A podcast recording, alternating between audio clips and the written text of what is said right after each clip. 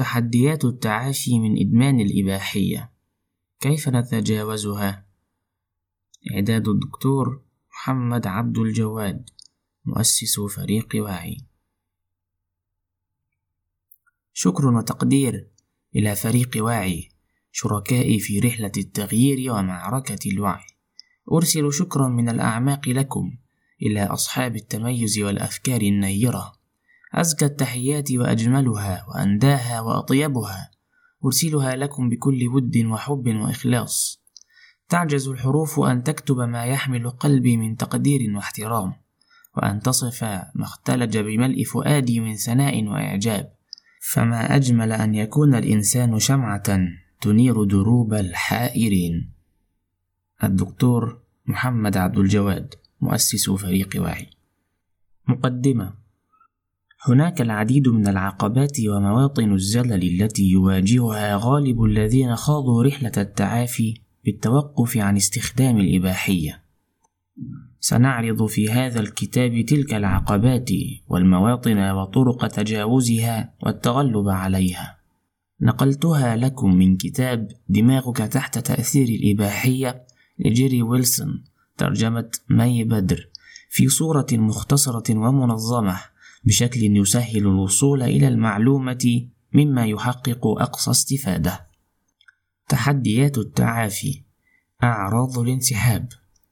الحقيقة المرة أن الثقافة السائدة ما زالت تكابر وما زالت تنكر المقولة الصادقة والساعية إلى الخير بأن مشاهدة المرئيات الجنسية على الإنترنت بكثرة ودون حد يمكن أن تسبب الإدمان، وهذا الواقع المؤسف هو السبب في أن أعراض الانسحاب تفاجئ أولئك الذين يخوضون تجربة الريبيوت بدرجة شدتها وعنفها، مما يدفع الكثيرين منهم إلى ارتياد المواقع الإباحية من جديد، بل والعدول عن فكرة الإقلاع نهائيًا، وهذا ما يحذر منه هنا أحد هؤلاء الشبان، يقول: أعراض الانسحاب مقرفة، ولكن لا أحد يتحدث عنها بما يكفي، وهي السبب أننا نفشل. هذه الأعراض تعبر عن رغبة الدماغ بمشاهدة المرئيات الجنسية، وتعبر عن حال مركز المكافأة وهو يتوسل إلينا ويهددنا ويعاقبنا ويرجونا ويفاوضنا ويعطينا المبررات والأسباب لكي نعود إليها من جديد. أعراض الانسحاب مؤلمة جدا، وتسبب لنا آلاما بدنية وعقلية ونفسية. إنها حالات النرفزة والعصبية التي تنتابنا ونوبات التعرق الشديد والقشعريرة التي تسري في أبداننا والآلام الغامضة التي نشعر بها في أماكن غريبة وضبابية التفكير التي نعاني منها عندما نتوقف عن مشاهدة الأفلام الإباحية. هذه هي الطريقة التي يخبرنا بها دماغنا بأن كل هذه الآلام ستنتهي وتتلاشى بمجرد تزويده بجرعة بسيطة وغير ضارة من المرئيات الجنسية. عندما بدأت تجربة التعافي كنت أعاني من أعراض الانسحاب، شعرت بأني أصبت بالتهاب في الجيوب الأنفية، وكانت أسناني تؤلمني فعلا. وفي الحقيقة لم يكن عندي التهاب في الجيوب الأنفية، وأسناني كانت سليمة ولكن دماغي كان يحاول بشكل أو بآخر أن يجعلني أشعر بالمعاناة والألم حتى يجرني إلى محاولة تحسين الوضع بجرعة مسكنة من الأفلام الإباحية. أعراض الانسحاب معروفة في كل أنواع الإدمان، ويعاني منها الشخص بمجرد الإقلاع عن مادة الإدمان، سواء أكانت مادة مخدرة أو سلوكا بعينه. وذلك لأنه يتوقف عن تزويد دماغه بمصدر الإثارة المفرطة التي اعتاد عليها بشكل متكرر، وحرمان الدماغ من مصدر المتعة يؤدي إلى حدوث تغيرات كيميائية عصبية في الدماغ هي المسؤولة عن أعراض الانسحاب. وعادة تظهر أعراض الانسحاب على هيئة ردود فعل مبالغ فيها عند التعرض للضغط النفسي. وشعور قوي ينتاب المدمن بأن العالم مظلم وبائس ولا معنى له في غياب الإثارة التي يحصل عليها من مادة الإدمان. الأسابيع الأول من رحلة التعافي هي الأصعب على الإطلاق. يقول أحدهم: دعوني أخبركم حقيقة ما سيواجهكم عندما تقرروا أن تبدأوا تحدي التعافي لن يكون بإمكانكم أن تحققوا هذا الهدف أو على الأقل هذا ما سيدور بخلدكم كل يوم. وستشعرون أنكم فعلا وحقا غير قادرين على الاستمرار. ستعانون من التقلبات النفسية الشديدة ومن أعراض الانسحاب المثبطة. وستكونون كمن كلف نفسه مهمة تسلق جبل شاهق بيد أنه لم يتعلم المشي بعد. في البداية سيبدو الأمر مستحيلا ولكن مع مرور الأيام وكلما خطوتم خطوات قليلة إلى الأمام فإن عضلاتكم أي قوة إرادتكم سوف تنمو وتقوى وسيصبح تحقيق هدفكم قريب المنال.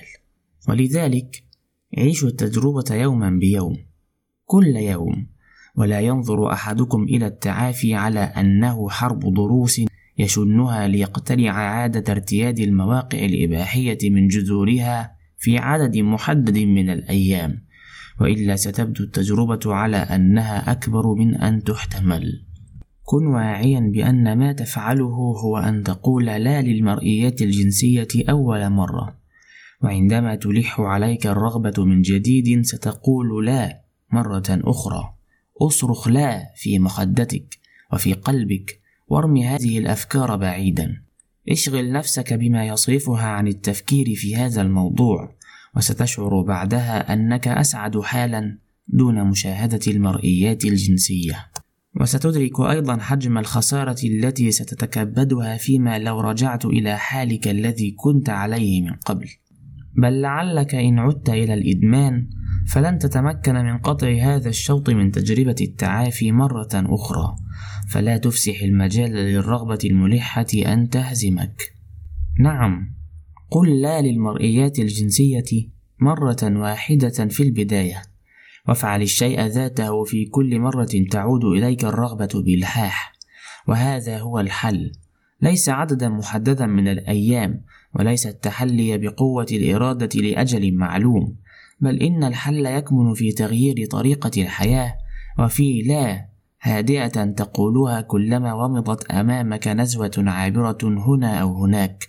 وحاولت أن تجد لنفسها في قلبك موطئ قدم. كما وضحنا آنفا. فإن الدماغ يجاهد باستمرار ليحافظ على التوازن الكيميائي العصبي في بنيته.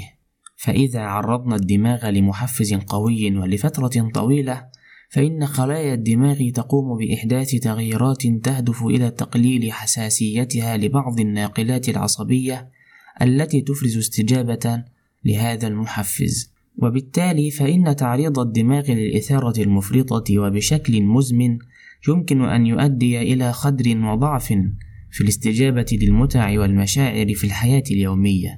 فيصبح الشخص وكأنه ميت خارج من قبره وتصبح الحياة في نظره مملة وغير هادفة. وبالمقابل عندما نتخلص من المحفز القوي الذي يسبب لدماغنا الإثارة المفرطة والمبالغة فيها فإن هذا الخضر يتلاشى تدريجيا وتنعكس تأثيراته.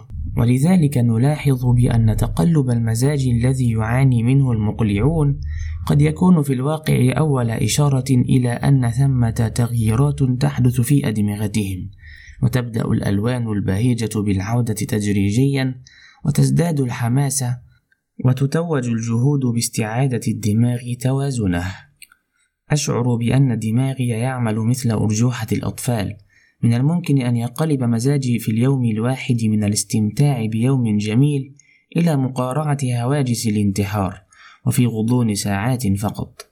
من الصعب جدا تحمل هذا الوضع إلا أنه يطمئني بأن شيئا ما داخل دماغي يحاول أن يصحح نفسه. ألقى الأخصائي في علم النفس لوغ ليزلي محاضرة في مؤتمر تيد. بعنوان فخ المتعة وعرض حالات لأشخاص عانوا من الإفراط في تناول الأطعمة ولكنهم عندما قاموا بالصوم عن الأكل تماما لفترات معينة أو بالاقتصار على تناول العصير فقط تمكنوا من التغلب على الرغبة الملحة التي تدفعهم للإسراف في تناول الطعام. المبدأ هو نفسه. تزداد حساسية الشخص للمحفزات الطبيعية الموجودة في أنشطة الحياة اليومية إذا تخلص من الإثارة المفرطة التي تسببها مادة الإدمان، وهذا المبدأ ينطبق على كل المحفزات التي تنشط مركز المكافأة في الدماغ، بما في ذلك مشاهدة المرئيات الجنسية على الإنترنت. بعض الذين خاضوا التعافي يعانون من أعراض انسحاب بسيطة بالكاد تذكر، والبعض الآخر يعانون من أعراض حادة جدا. يقول شاب في السادسة والعشرين من العمر اعتاد على ارتياد المواقع الإباحية بكثرة ولسنوات طويلة. في الأسبوع الأول عانيت من أسوأ أنواع الأرق الذي يمكن تخيله. لا أذكر أني تمكنت من الخلود إلى النوم نهائيا طيلة الأيام الستة الأولى. ولدت لدي هذه التجربة قناعة بأن أسبوعا من التدريبات العسكرية في معسكر حربي هي مهمة سهلة.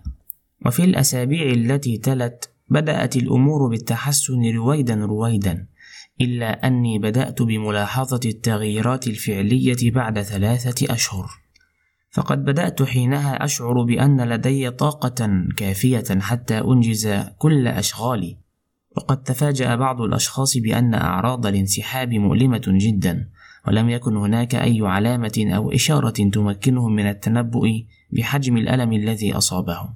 يقول لم يكن ارتياد المواقع الإباحية مشكلة كبيرة بالنسبة لي ولذلك ظننت أن فوائد التعافي ستكون هامشية ولكني اليوم أقول لك إذا كنت تعتقد أنك لست مدمنا حاول أن تتوقف عن مشاهدة الأفلام الجنسية وسترى بأم عينك ما الذي سيحدث. الذي حدث في حالتي أني مررت بفترة من المعاناة من أعراض الانسحاب القاسية والتي استمرت لمدة شهر على الأقل. لقد كان واضحا أن ثمة تغيرات كيميائية عصبية تحدث في دماغي وتؤثر علي بشدة وعمق. فكنت في غضون الأربع وعشرين ساعة في اليوم الواحد أعاني وبشكل حاد من تعاقب فترات من السعادة الغامرة والبهجة تتلوها فترات من السوداوية القاتلة والكآبة. وبعد شهر تقريبا بدأت أشعر بالتحسن وبدأت الأمور تعود إلى نصابها. بدأت أرى الناس أكثر تقبلا لي وتواصلي معهم صار أفضل. وصرت أبادل زملائي في العمل المزاح وعموما بدأت أنظر إلى الوجه المشرق للحياة. أكثر أعراض الانسحاب شيوعا هي التهيج المفرط وحالة من الحصر النفسي تصاحبها أحيانا نوبات مستغربة من الفزع مع الإجهاش بالبكاء ونفاذ الصبر والكسل والبلادة والصداع وضبابية التفكير والاكتئاب وتقلب المزاج والرغبة في العزلة والابتعاد عن الناس والتشنج والشد العضلي والأرق بالإضافة إلى نوبات تأجج الرغبة لمشاهدة الأفلام الجنسية. الأعراض النفسية للانسحاب تباغتك بقوة، سوف تعاني من الاكتئاب وأنواع غريبة من الحصر النفسي والإحساس بانعدام القيمة. عانيت من هذه الأعراض كلها في نفس الوقت، كل يوم كان يمر علي كان يبدو لي كأنه يوم صعب مضاعف عشر مرات. وذلك عدا عن تأجج الرغبة الملحة للاستمناء. أنصحكم أن تتعلموا كيف تسيطروا على خيالاتكم لأنكم إن لم تفعلوا فسوف تشعرون بلا شك بالألم الشديد.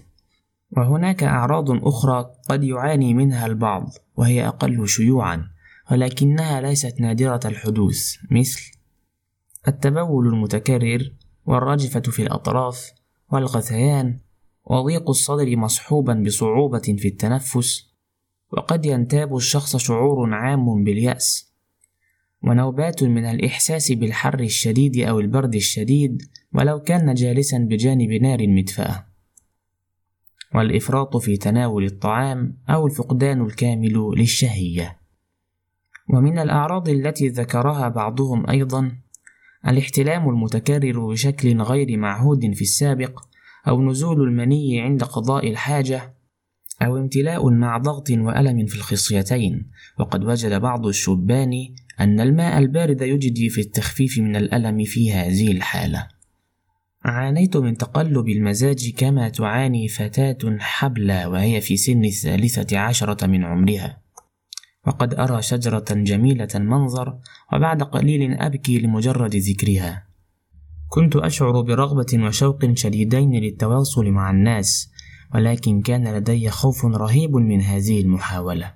وكان لدي نهم وشهية مفتوحة للأكل. في أحد الأيام أكلت قالبا كاملا من الكيك في غضون أربع وعشرين ساعة فقط. وكنت دائما عصبيا وحاد الطبع جدا. وأسوأ ما في الأمر أني عندما كنت أعاني من هذه الأعراض كنت سيء الخلق في التعامل مع الناس. والمحبط في أعراض الانسحاب هو أن التعافي من أضرار ارتياد المواقع الإباحية لا يسير في خط مستقيم من البداية إلى النهاية وإنما تتقلب أحوال الشخص بين إنجازات ملحوظة وانتكاسات مثبطة. يعاني البعض من أعراض الانسحاب الحادة خلال الأسابيع الثلاثة الأولى فقط في حين يستمر آخرون في المعاناة من أعراض الانسحاب على مدى شهور. وتشتد عليه الأعراض من حين لآخر ولكنها لا تستمر طويلا ولا تلبث أن تختفي لفترة ثم تعود للظهور مرة أخرى. وقد أطلق أعضاء المنتديات على هذه الحالة اسم أعراض الانسحاب المزمنة. بودي أن أبث الأمل في نفوس كل أولئك الذين يعانون من الأعراض النفسية المصاحبة لهذه التجربة الصعبة. لمدة تزيد على السنة والنصف لم يكن بوسعي أن أشعر بالاستمتاع بأي شيء. والآن بدأت أتفاعل مع الحياة من جديد وصار بإمكاني أن أستمتع بالتحدث مع شخص لا أعرفه.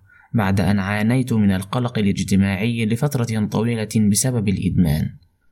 الحقيقة بل وببساطة أن حالتي الآن في تحسن مضطرد رغم كل الصعوبات التي واجهتها خلال العامين الماضيين، ولا شك عندي بذلك، ومن الواضح أيضا أني عانيت من أعراض الانسحاب المزمنة، وبدأ ذلك بوضوح من التذبذب في شدة الأعراض بين تحسن وانتكاس، وكان التعافي يتم ببطء شديد جدا إضافة إلى عودة الأعراض ذاتها مرارا. لكل شخص حالة خاصة به. مع الأيام ومع إصرارك على الاستمرار في التعافي سوف يزداد عدد الأيام الحسنة بالتدريج. ولكنك قد تعاني من أعراض الانسحاب المزمنة لفترة طويلة. والأيام السيئة قد تطل عليك من حين لآخر. إلى أن يتعافى الدماغ تماما ويعود إلى طبيعته. ولأجل ذلك فليس من الحكمة أن تقيم درجة تحسنك بالقياس إلى الوقت الذي يحتاجه غيرك ليتعافى. فلكل شخص حالة خاصة به. وبعض الناس يحتاجون إلى فترة زمنية أطول لتستعيد أدمغتهم توازنها. الموت السريري. وصف شاب حالة الموت السريري على أنها تلك الحالة العصية على الوصف وشديدة الوطأة على النفس التي يعاني منها المرء ولكنه لا يجرؤ على إطلاع أحد عليها أبدا. الموت السريري هو عرض من أعراض الانسحاب، وهي الحالة التي عادة ما تصيب الشبان الذين وصلوا إلى مرحلة العجز الجنسي التام بسبب استفحالهم في عادة ارتياد المواقع الإباحية وقد تصيب بعض الشبان في بداية التعافي وأحيانا تدهمهم فجأة ودون مقدمات بمجرد أن يبدأوا رحلة الإقلاع حتى إذا لم يصلوا إلى مرحلة العجز الجنسي التام. هذا شاب ممن خاضوا تجربة التعافي يصف معاناته مع حالة الموت السريري يقول: بعد عدة أيام من مقاومة تمرد الدماغ وشدة الرغبة الملحة، بدأت أشعر بحالة الموت السريري والتي استمرت لعدة أسابيع. شعرت بشكل رئيسي أني غير آبهم بالفتيات أو بالجنس أو أي شيء من هذا القبيل. كان وحش الإباحية يصدر صوتا خافتا من وراء الكواليس، ويحاول أحيانا أن يتحرش بي، ولكني في أغلب الأحيان لم أكن أهتم بالموضوع على الإطلاق. وكان العضو الذكري صغيرا جدا والحياة فيه معدومة نهائيا. وكأن أحدا ما قطع التيار الكهربائي عن الآلة التي تشغل الشهوة الجنسية. فقد كانت رغبتي في الجنس معدومة تماما. غنى عن الذكر أن الشاب الذي تفاجئه حالة الموت السريري بعد بداية التعافي قد يتخلى عن فكرة الإقلاع نهائيا وقد يهرع إلى الحاسوب لينكب على مشاهدة المرئيات الجنسية من جديد خوفا من أن يتسبب إهمال الأمر بالفقدان الدائم لقدرته الجنسية. وحتى لو كان يعاني من ضعف الأداء الجنسي بالفعل فهذا في نظره أفضل من لا شيء. قبل ست سنوات تقريبا أصابت حالة الموت السريري شابا في السادسة والعشرين من عمره يعيش في أستراليا. لكن هذا الشاب الشجاع قرر أن يستمر في تجربة التعافي رغم معاناته ليتفاجأ أن حالة الموت السريري شفيت تلقائيا وتعافى منها تماما بعد حوالي سبعة أسابيع وعادت له أحاسيسه ورغبته الجنسية بقوة وعادت له القدرة على الانتصاب. ومنذ ذلك الحين صار العديد من الشبان يواجهون حالة الموت السريري بشجاعة وثبات والكثيرون وثقوا كيف تعافوا منها. وفي الواقع لا يوجد إلى الآن تفسير علمي متفق عليه لحالة الموت السريري هذه. ولكن أحد الشبان قدم هذه النظرية. يقول بدأنا في سن صغيرة جدا نمارس الاستمناء بكثرة عند مشاهدة الأفلام الجنسية على الإنترنت. وواصلنا ممارسة العادة السرية بشكل جنوني. حتى أرهقنا عقولنا وأجسادنا. وعندما تصل إلى هذا الحد من الإنهاك يدخل دماغك وجسدك في حالة ثبات عميق نسميها حالة الموت السريري حتى يرتاح ويسترجع قواه وتمكن من الاستجابة للمحفزات مرة أخرى.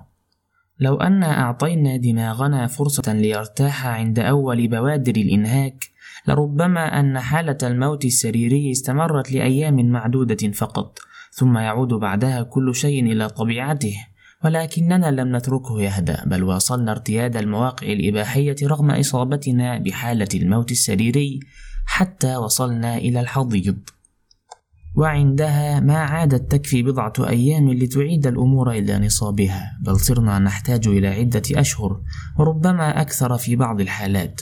ولكنها بالتأكيد تمر بسلام في النهاية قد يكون المسبب لحالة الموت السريري هو كوكبة التغيرات الدماغية التي تحدث بطبيعة الحال عند الإقلاع، وما قد يصاحبها من تغيرات راسخة في مراكز الجنس في الدماغ. فأنا أعتقد بأن مراكز الجنس في منطقة المهاد لها دور في حدوث حالة الموت السريري، لأن القدرة الجنسية لا تتأثر عند معالجة المدمنين في أنواع الإدمان الأخرى. حالات الموت السريري تختلف. تختلف كل حالة من حالات الموت السريري عن غيرها من حيث شدتها أو مدتها. وبعض الشبان يستعيدون أحاسيسهم ورغبتهم الجنسية وكذلك القدرة على الانتصاب في الوقت نفسه إما بالتدريج أو بشكل مفاجئ. ولكن بالنسبة لآخرين فقد تعود لهم رغبتهم الجنسية قبل أن يستعيدوا القدرة على الانتصاب وقد يحدث العكس تماما فقد تعود لهم القدرة على الانتصاب قبل عودة أحاسيسهم ورغبتهم الجنسية. ظهور الموت السريري بعد الإنترنت السريع. أيا كان سببها أو منشأها فإن حالة الموت السريري عصية على الفهم حقًا. في الماضي وقبل وجود الإنترنت السريع لم يكن التخلي عن مشاهدة المرئيات الجنسية مصحوبا بالفقدان الكامل للرغبة الجنسية ولم تكن حالة الموت السريري معروفة كما هو الحال الآن ولا حتى كعرض مؤقت. وبالطبع فليس كل رجل شاهد الأفلام الإباحية ثم توقف عن مشاهدتها سوف يعاني من حالة الموت السريري في فترة النقاهة إلا أن أعداد الشبان الذين يعانون من العجز الجنسي في ارتفاع وذلك لأن أعداد اليافعين الذين يبدأون بمشاهدة المرئيات الجنسية على الإنترنت في سن مبكرة جدا في ازدياد مضطرد وهذه الفئة أكثر عرضة للإصابة بالعجز الجنسي نتيجة لذلك وأضحت تشكل نسبة أكبر من مجمل الحالات. يقول أحدهم بعض الشبان يعانون من حالة الموت السريري لفترة طويلة وبعضهم يعاني منها لفترة أقصر والبعض لا يعاني منها أبدا. من الصعب أن نضع معايير دقيقة لأي شيء لأن هذه المشكلة حديثة جدا. نأمل أننا في غضون سنتين سنكون قد فهمنا النمط الذي تسير به الأمور وعندها قد نتمكن من إسداء النصح لغيرنا. نحن الآن مع الأسف الرواد السابقون في خوض تجربة التعافي والسؤال الذي يطرح نفسه هل ينبغي عليك أن تخبر زوجتك إذا كنت تعاني من مشكلات تؤثر في أدائك الجنسي؟ كثير من الرجال يقولون بأن إخبار الزوجة عن حالة الموت السريري وأسبابها ساعدهم كثيرا في تجاوز المشكلة. إليكم ما قالته امرأة في الثالثة والعشرين من العمر احتاج شريكها من نفس السن إلى مئة وثلاثين يوما كي يتعافى من العجز الجنسي ويعود إلى طبيعته. تقول: أخبر زوجتك فذلك سوف يخفف الضغط عليك ويجنبك أن تجرح شعورها. لا تشعر بالخزي لأنك تعاني من العجز الجنسي بسبب مشاهدة الأفلام الإباحية، فالمرئيات الجنسية منتشرة بكثرة هذه الأيام، وتقريبا كل شاب يشاهد الأفلام الإباحية أو شاهدها في فترة ما، وباعتقادي أن كل الفتيات يعرفن ذلك، وبالتالي فهذا النوع من المشكلات يمكن أن يحدث لأي شخص، فليس من الضروري أن تكثر من مشاهدة المرئيات الجنسية حتى يشعر دماغك بضررها. قد حاول شريكي أن يشرح لي وضعه ومعاناته وأنا شاكرة له صنيعه. أشعر بالراحة لأني كنت على علم بما يجري. وعلاقتنا الآن أصبحت أقوى من ذي قبل وزاد قربنا من بعضنا البعض لأننا أصبحنا شريكين في هم واحد وخضنا تجربة التعافي سويا حتى تعافى تماما. الأرق من المهم جدا أن تحصل على قدر كاف من الراحة الجسدية لأن الإجهاد يحفز الرغبة لمشاهدة المرئيات الجنسية ويزيد في إلحاحها. إلا أن الكثيرين من الشبان الذين يخوضون تجربة التعافي اعتمدوا لسنوات عديدة على مشاهدة الأفلام الإباحية في الليل كعامل يساعدهم في الخلود إلى النوم. وعندما يمتنعون عن مشاهدتها يصبح النوم صعب المنال وخاصة في بداية رحلة الإقلاع. ولذلك نجد أن الأرق عرض شائع من أعراض الانسحاب. عليك أن تبحث عن طريقة تساعدك في الخلود إلى النوم غير مشاهدة المرئيات الجنسية. وضع في حسبانك أن هذه المشكلة مؤقتة وسوف تتلاشى مع الوقت. يقول أحد الشبان كنت أعتقد أن ممارسة العادة السرية هي الطريقة الوحيدة التي يمكن أن تجعلني أخلد إلى النوم، إلا أني صرت أنام نوما هنيئا بعد عشرة أيام فقط من بداية التعافي. ما أروع أن تغط في نوم عميق بمجرد أن تضع رأسك على الوسادة. وتجنب استبدال عادة مشاهدة الأفلام الجنسية قبل النوم بعادة سيئة أخرى مثل شرب الخمر مثلا. فقد يساعدك شرب الخمر على النوم ولكنه يمكن أن يجعلك تستيقظ مبكرا جدا قبل أن تحصل على القسط الكافي من الراحة التي يحتاجها جسدك. وأيضا فليس من الحكمة أن تستبدل إدمانك على سلوك ضار بمادة أخرى تجعلك عرضة للإدمان. إليك بعض الأفكار التي جربها آخرون بنجاح. النوم في الأسبوع الأول كان صعبا للغاية وحتى أتخلص من هذه المشكلة قررت أن أمتنع عن استعمال الحاسوب في السرير نهائيا فوضعت الحاسوب على طاولة المطبخ وصرت أستلقي على السرير فقط عندما أشعر بالتعب. أنصح باستخدام مصباح ليلي للقراءة. إن مجرد وجود هذا الضوء الخافت الذي يشع نوره على كتابك كمصدر وحيد للإضاءة في الغرفة كفيل بأن يجعلك تشعر بالنعاس الشديد. بدأت أمارس رياضة العدو في آخر الليل، وعندما أعود إلى البيت أستحم وألقي بنفسي في السرير، وكان هذا كفيلا بأن يجعلني أغفو في الحال. عندما أجد صعوبة في الخلود إلى النوم كنت أقرأ كتابا المطالعة هي النشاط البديل للاستمناء ومشاهدة الأفلام الإباحية وقد عملت جاهدا على إقناع نفسي بأن الأرق لليلة واحدة ليس نهاية العالم وقد ساعدني ذلك كثيرا. الطريقة التي اتبعتها هي ممارسة الرياضة بشكل روتيني والتعرض للشمس قدر الإمكان كي تزودني بالميلاتونين الطبيعي. والتزمت بالقاعدة التي تنص على أن السرير يستعمل للنوم والجنس فقط وبما أني كنت أعزبا فقد كانت تعني السرير يستعمل للنوم فقط. عندما كنت أشعر بنفاذ الصبر ويشتد علي الأمر كنت أقوم بأداء تمارين كيجل لتقوية العضلات في أسفل الحوض. وكنت أفعل ذلك كلما احتجت حتى لو في منتصف الليل. يساعد التمرين على التخفيف من حدة الرغبة الملحة وأعراض الانسحاب لأنه كما يبدو يساعد في توزيع الطاقة أو شيء من هذا القبيل ويجعلك التمرين توجه كل انتباهك إلى عضلات الحوض لفترة قصيرة وبعدها تخلد إلى النوم. استيقظ مبكرا وبهذه الطريقة ستتمكن من أداء التمارين الرياضية في الصباح الباكر. وعندما يأتي وقت النوم في المساء ستكون متعبا بما يكفي لتنام نوما عميقا. كنت كثيرا ما أغطي عيني وأذني بشيء كأن أرفع قميصي على رأسي وقد ساعدني ذلك في الخلود إلى النوم. ما ساعدني في التغلب على الأرق هو أن أنام وأستيقظ في مواعيد منتظمة يوميا وأن أبتعد عن الأنشطة البدنية العنيفة قبل موعد النوم. استلقي على ظهرك وعدد كل الأشياء التي تستوجب شكرك وامتنانك. في البداية كانت قائمة الامتنان طويلة، أما الآن فلا أكاد أعبر عن شكري وامتناني للصحبة الطيبة وكلبي المخلص، وإذ أنا أغط في سبات عميق. وبعض الأشخاص استفادوا من تناول المكملات الغذائية وأنواع من الشاي والأعشاب مثل البابونج وغيرها من الوصفات المنزلية. مثل هذا الشاب الذي قال: لمعالجة الأرق أتناول حساء التمر الأحمر أو حساء ميسو.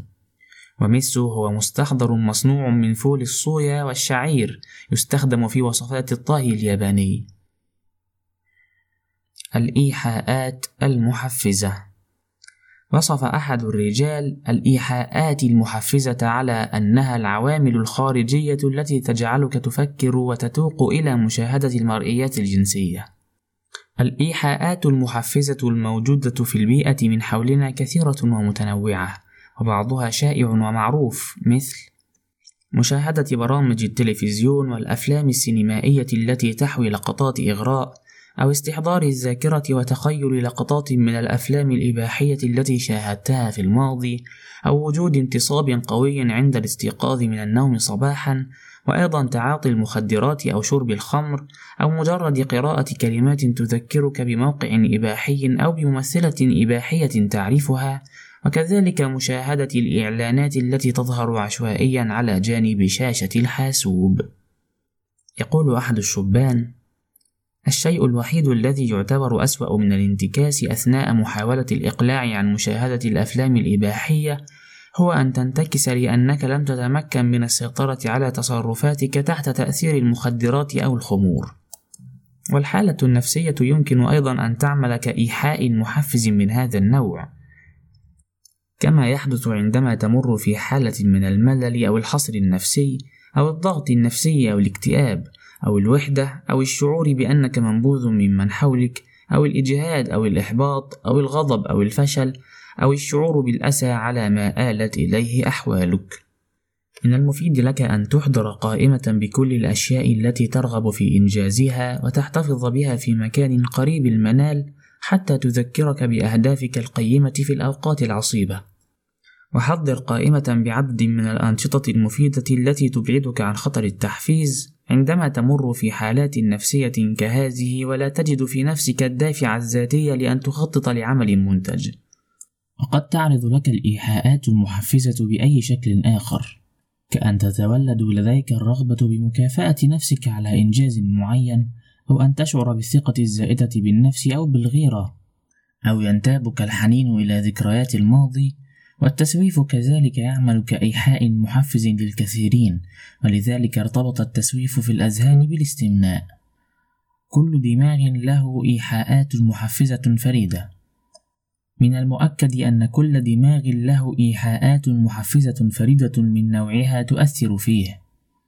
وهناك بعض الإيحاءات المحفزة التي تعتبر أقل شيوعًا من غيرها، ولكن لها تأثيرها على الشخص، مثل الاستحمام بالماء الساخن، والإفراط في تناول السكريات أو النشويات أو المنبهات، ومنها أيضًا تصفح إعلانات الزواج على الإنترنت، أو تصفح بعض مواقع التسلية التي لا تعتبر مواقع إباحية مثل موقع يوتيوب وموقع ريدت وموقع إبحث عما ترغب وموقع إمجار لتبادل الصور.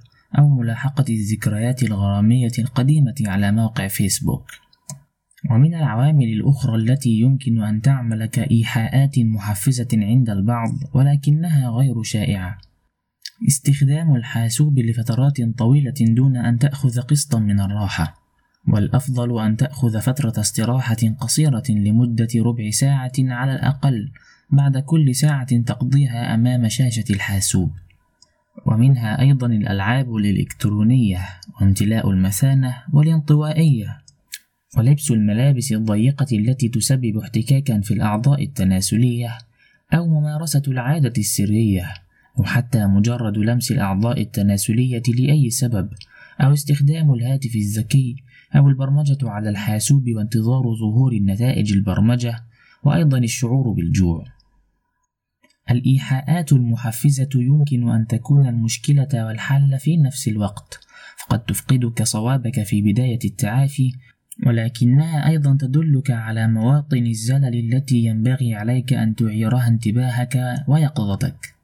بعض الشبان الذين خاضوا تجربة التعافي اتخذوا تدابير قاسية من أجل مواجهة الإيحاءات المحفزة وداوموا عليها لفترة من الوقت. يقول رفضت أن أوصل خدمات الإنترنت إلى بيتي وإلى هاتفي المحمول وبرأيي أنه من السهل الاستغناء عن خدمات الإنترنت لمدة شهر أو شهرين حتى يستعيد جسدك عافيته كيف تحدث الإيحاءات تأثيرها؟ الإيحاءات كما يسميها علماء الإدمان هي المحفزات الموجودة في البيئة التي تؤجج لدى المدمن الرغبة في العودة إلى السلوك الإدماني ولكن كيف تحدث تأثيرها؟ عندما تقضي الوقت في جلسات مشاهدة المرئيات الجنسية يقوم دماغك بتكوين وتوثيق روابط عصبية بين مركز المكافأة والذكريات التي سجلها الدماغ لكل شيء موجود حولك وارتبط بالتهيج الجنسي التي شعرت به في تلك الجلسة وكل شيء ينشط هذه الروابط العصبية في وقت لاحق يعتبر إيحاء محفزا يؤجج لديك الرغبة بالسعي للحصول على نفس المستوى من الإثارة الجنسية التي شعرت بها في تلك الجلسة. وعلينا أن ندرك بأن قدرة الإنسان على الاستجابة للإيحاءات والإشارات الموجودة في البيئة من حوله هي شيء فطري وطبيعي وعادة ما تعمل لصالح الإنسان حتى لا يغفل أو يضيع الفرص القيمة التي تتاح له وتضمن بقائه. عندما تعرض لك الإيحاءات المحفزة فإنها تقوم بتنشيط الدوائر العصبية التي تربطها في ذاكرتك بالتهيج الجنسي وينتج عن ذلك زيادة غير طبيعية في النشاط العصبي في دماغك مما يسبب تأجيج الرغبة الملحة لمشاهدة المرئيات الجنسية وكل ذلك يحدث على مستوى الإدراك اللاواعي فقد لا تتمكن من تحديد سبب التهيج الذي تشعر به. وكل ما تدركه أنك وفي لحظة تولدت لديك رغبة جارفة بمشاهدة الأفلام الإباحية. وقد تبدو لك في حينها قضية حياة أو موت وتتبخر معها كل أهدافك بالإقلاع وتحسين الوضع. إن شدة النشاط العصبي المتولد في الدماغ من تأثير الإيحاءات المحفزة قد تصل إلى نفس مستوى شدة النشاط العصبي التي تنتج من التعاطي الفعلي للمادة المخدرة والشيء ذاته غالبا ما ينطبق على الأشخاص الذين يرتادون المواقع الإباحية بكثرة. يقول أحدهم في أحد الأيام نظرت بلمحة خاطفة إلى صورة خليعة ولاحظت نشاطا معينا اشتد في دماغي وكأن نوبة حمى مفاجأة اجتاحتني. لحسن الحظ أن هذا الشعور أفزعني بما يكفي كي أغزو الخطى مبتعدا عنها والمؤسف أن الروابط العصبية التي تربط الإيحاءات المحفزة بالسلوك الإدماني تظل موجودة في الدماغ لفترة طويلة حتى بعد التعافي التام من آثار الإدمان واجتياز تجربة التعافي بنجاح، ولكنها تضعف بالتأكيد. وعلى سبيل المثال، فإن الشخص الذي كان مدمنا على الخمر ولكنه تخلص من إدمانه قبل عشرين سنة لن يتأثر على الأغلب بمشاهدة إعلاناتها في التلفزيون. ولكنه إذا شربها فلا فإنه بهذا الفعل يمكن أن ينشط الروابط العصبية المتعلقة بالإدمان والتي أضعفت على مر السنوات. وقد يؤدي ذلك إلى فقدان السيطرة على مقاليد الأمور والعودة إلى الإدمان من جديد والشيء ذاته يمكن أن يحدث للأشخاص الذين عانوا من الإدمان على مشاهدة المرئيات الجنسية في الماضي. فقد يكون في مأمن من الإيحاءات المحفزة التي كان لها تأثير خطير وهم في أوج إدمانهم ثم ضعف تأثيرها بعد نجاح التعافي. ولكنهم إذا بدأوا بارتياد المواقع الإباحية من جديد فقد يخرج الأمر عن نطاق السيطرة بسرعة كبيرة ويعود إلى الإفراط في مشاهدة المرئيات الجنسية كما كانوا يفعلون قبل التعافي. ينبغي عليك أن تظل واعيا ومنتبها على الدوام إلى تأثير الإيحاءات المحفزة أثناء خوض تجربة التعافي، وتستمر بذلك لمدة طويلة بعد تحقيق هدفك، وخاصة تلك الإيحاءات التي تعتبر محفزات قوية ولها تأثيرا شديدا عليك. ولذلك فإنه من المجدي أن تراقب نفسك باستمرار لتكتشف ما هي الإيحاءات التي تحفزك وتراقب تأثيرها عليك عن كثب ومن الأفضل أيضا أن تكون جاهزا بردة فعل ملائمة للتعامل مع هذه المحفزات لو فاجأتك يوما باليقظة والترقب والتحضير المسبق سيكون بإمكانك أن تتغلب على الرغبة الجامحة الملحة التي تؤججها الإيحاءات المحفزة. وقد لاحظ الكثيرون من الشبان أنهم لو تمكنوا من إشغال أنفسهم بما يصرفها عن الإيحاء المحفز لمدة عشر دقائق فإن تأثيره يضعف وتمر الأزمة بسلام. هذه تصريحات لبعض الشبان الذين تمكنوا من استغلال تأثير الإيحاءات المحفزة لصالحهم. يقول في أحد الأيام كنت أتصفح مواقع على الإنترنت عندما قرر والداي أن يخرجا من البيت. لم أكن أرغب بالخروج معهم. وفضلت البقاء في البيت كي أنهي أشغالي. وعندما أغلق الباب شعرت كأن شيئا ما نقرني في رأسي. فجأة اجتاحت ذهني رغبة شديدة بالدخول على المواقع الإباحية. لقد أثيرت شهوتي بمجرد أن أغلق الباب وكانت هذه هي المرة التي وعيت فيها إلى أن خروج الوالدين من المنزل هو إيحاء محفز بالنسبة لي. وأعتقد أن تأثير هذا الإيحاء كان دائما موجودا ولكني لم ألحظه أبدا في السابق. والآن صرت واعيا لتأثيره. وكلما خرج والداي من المنزل أخرج في نزهة مشيا على الأقدام أو أدعو أحد أصدقائي ليقضي معي بعض الوقت. صرت ببساطة أمتنع عن استخدام الحاسوب وأفعل شيئا آخر مفيدا. ويقول آخر كانت مشكلتي الكبرى هي الاستلقاء على السرير وهاتفي المحمول بيدي. إيحاء محفز واضح ومعروف بالطبع. فقد كنت معتادا على مشاهدة الأفلام الجنسية حصريا قبل النوم ليلا. ما أفعله الآن هو أني في الساعة الحادية عشرة مساء أقفل كل الأجهزة الإلكترونية وأضع الحاسوب في الخزانة ثم أعير المنبه على جهاز الهاتف وأضعه بعيدا عن السرير وبعدها أغسل وجهي وأسناني ثم أكتب مدونتي أو أقرأ كتابا حتى أشعر بالتعب. كانت المطالعة تبعدني عن الإيحاءات المحفزة والإغراءات فكنت أنهمك في قراءة الكتب بدلا من أن أترك عقلي ليتشتت ويسرح كيف تتعامل مع الإيحاءات المحفزة؟ أولا حتى تكتشف ما هي الإيحاءات المحفزة التي تؤثر عليك وتتمكن من التعامل معها اسأل نفسك كلما شعرت بتأجج الرغبة الملحة ما هي المشاعر التي تنتابني؟ كم الساعة الآن؟ هل هناك أحد غيري هنا؟ ما هو الشيء الذي فعلته للتو؟ أين أنا الآن؟ ثم حدد ما هو النشاط البديل الذي يمكن أن يلبي احتياجي الآن في هذا المكان وهذه الساعة. هل بإمكانك أن تخرج وتمارس رياضة الجري؟ أو تدخل المطبخ وتحضر طعاما صحيا؟ أو تتعلم كلمة جديدة من لغة أخرى؟ أو تبدأ بكتابة الرواية التي كنت تخطط لكتابتها منذ زمن أو تتواصل مع أحد أصدقائك. اختر نشاطا يزرع فيك الإحساس بالإنجاز أو التواصل أو العناية بالنفس. دون خطتك وعندما تتعرف على الإيحاءات المحفزة التي تؤثر فيك وتختار النشاط البديل والمناسب الذي ستلجأ إليه لو فاجأك أحدها قم بتدوين خطتك. قل عندما يحدث الإيحاء المحفز سوف أقوم بالنشاط البديل لأن هذا يشعرني بالمكافأة.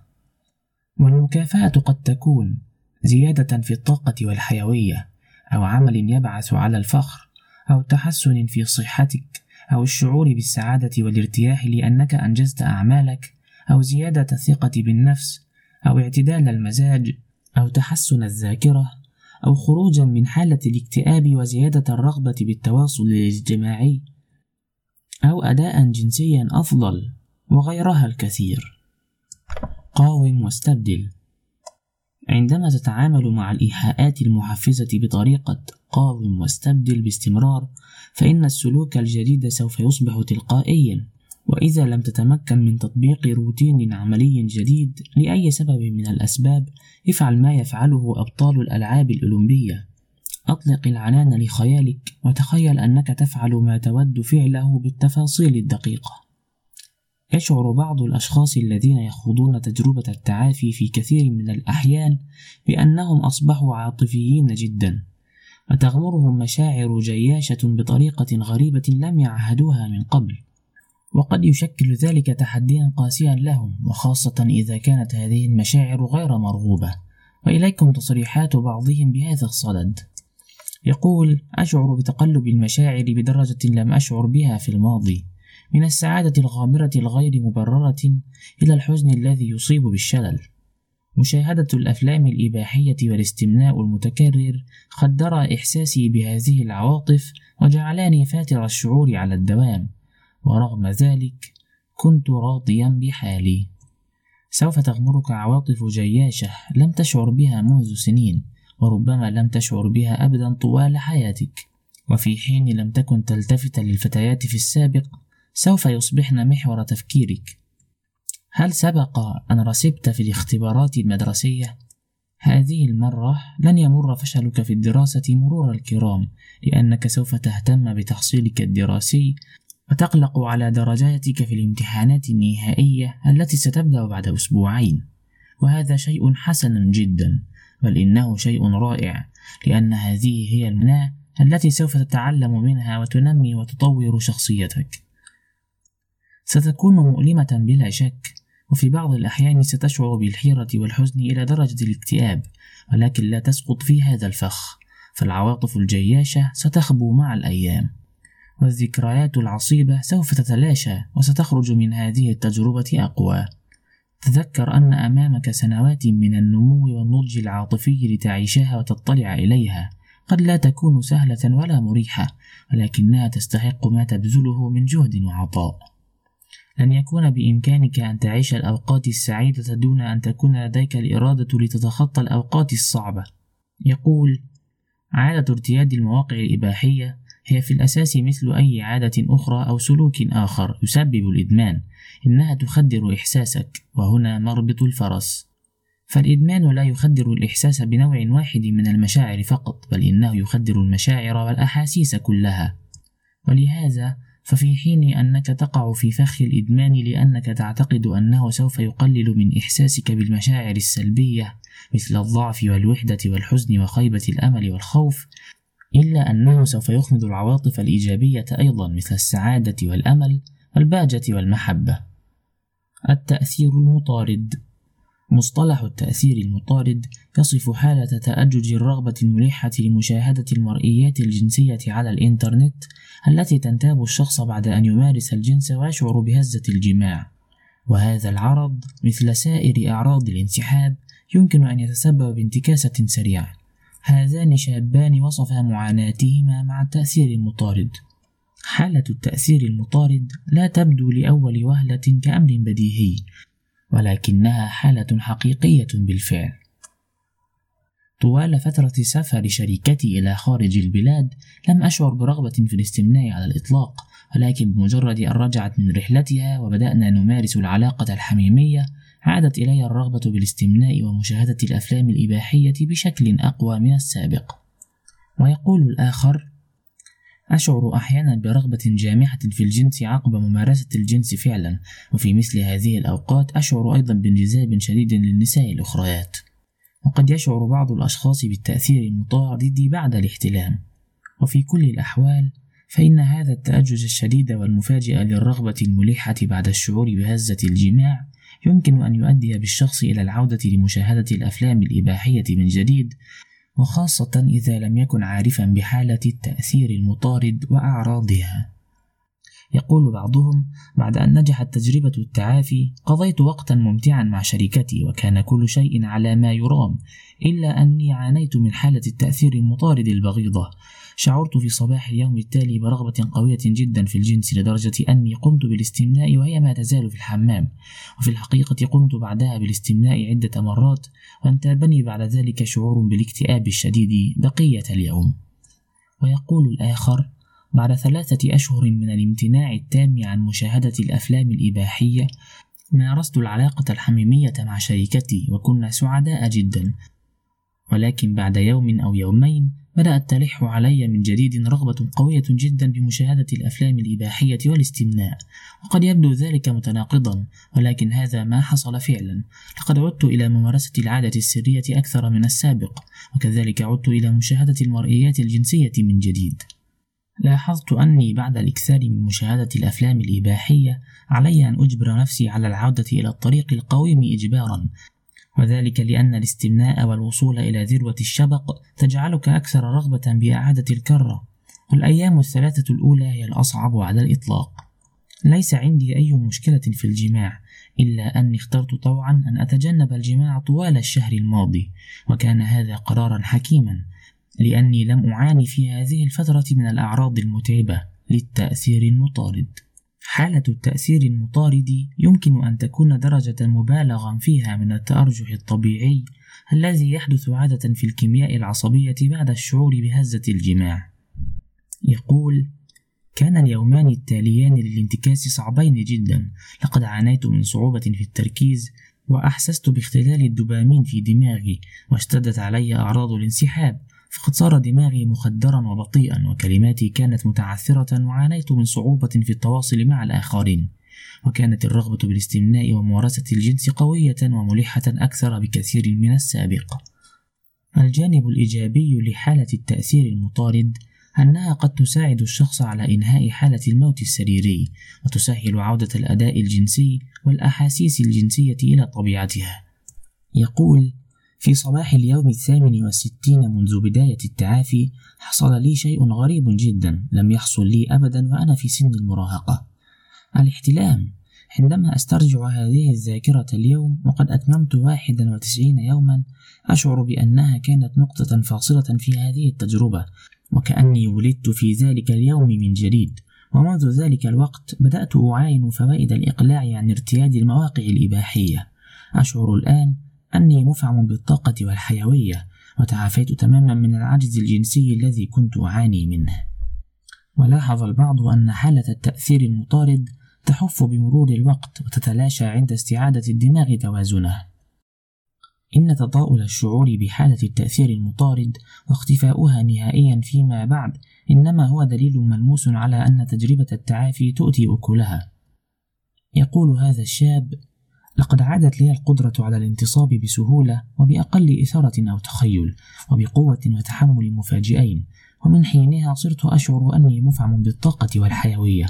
ورغم أن لدي رغبة كبيرة بالجنس إلا أني الآن صافي الذهن ولا أعاني من حالة التأثير المطارد وبإمكاني أن أقول بأن حالتي تحسنت تحسنا ملحوظا.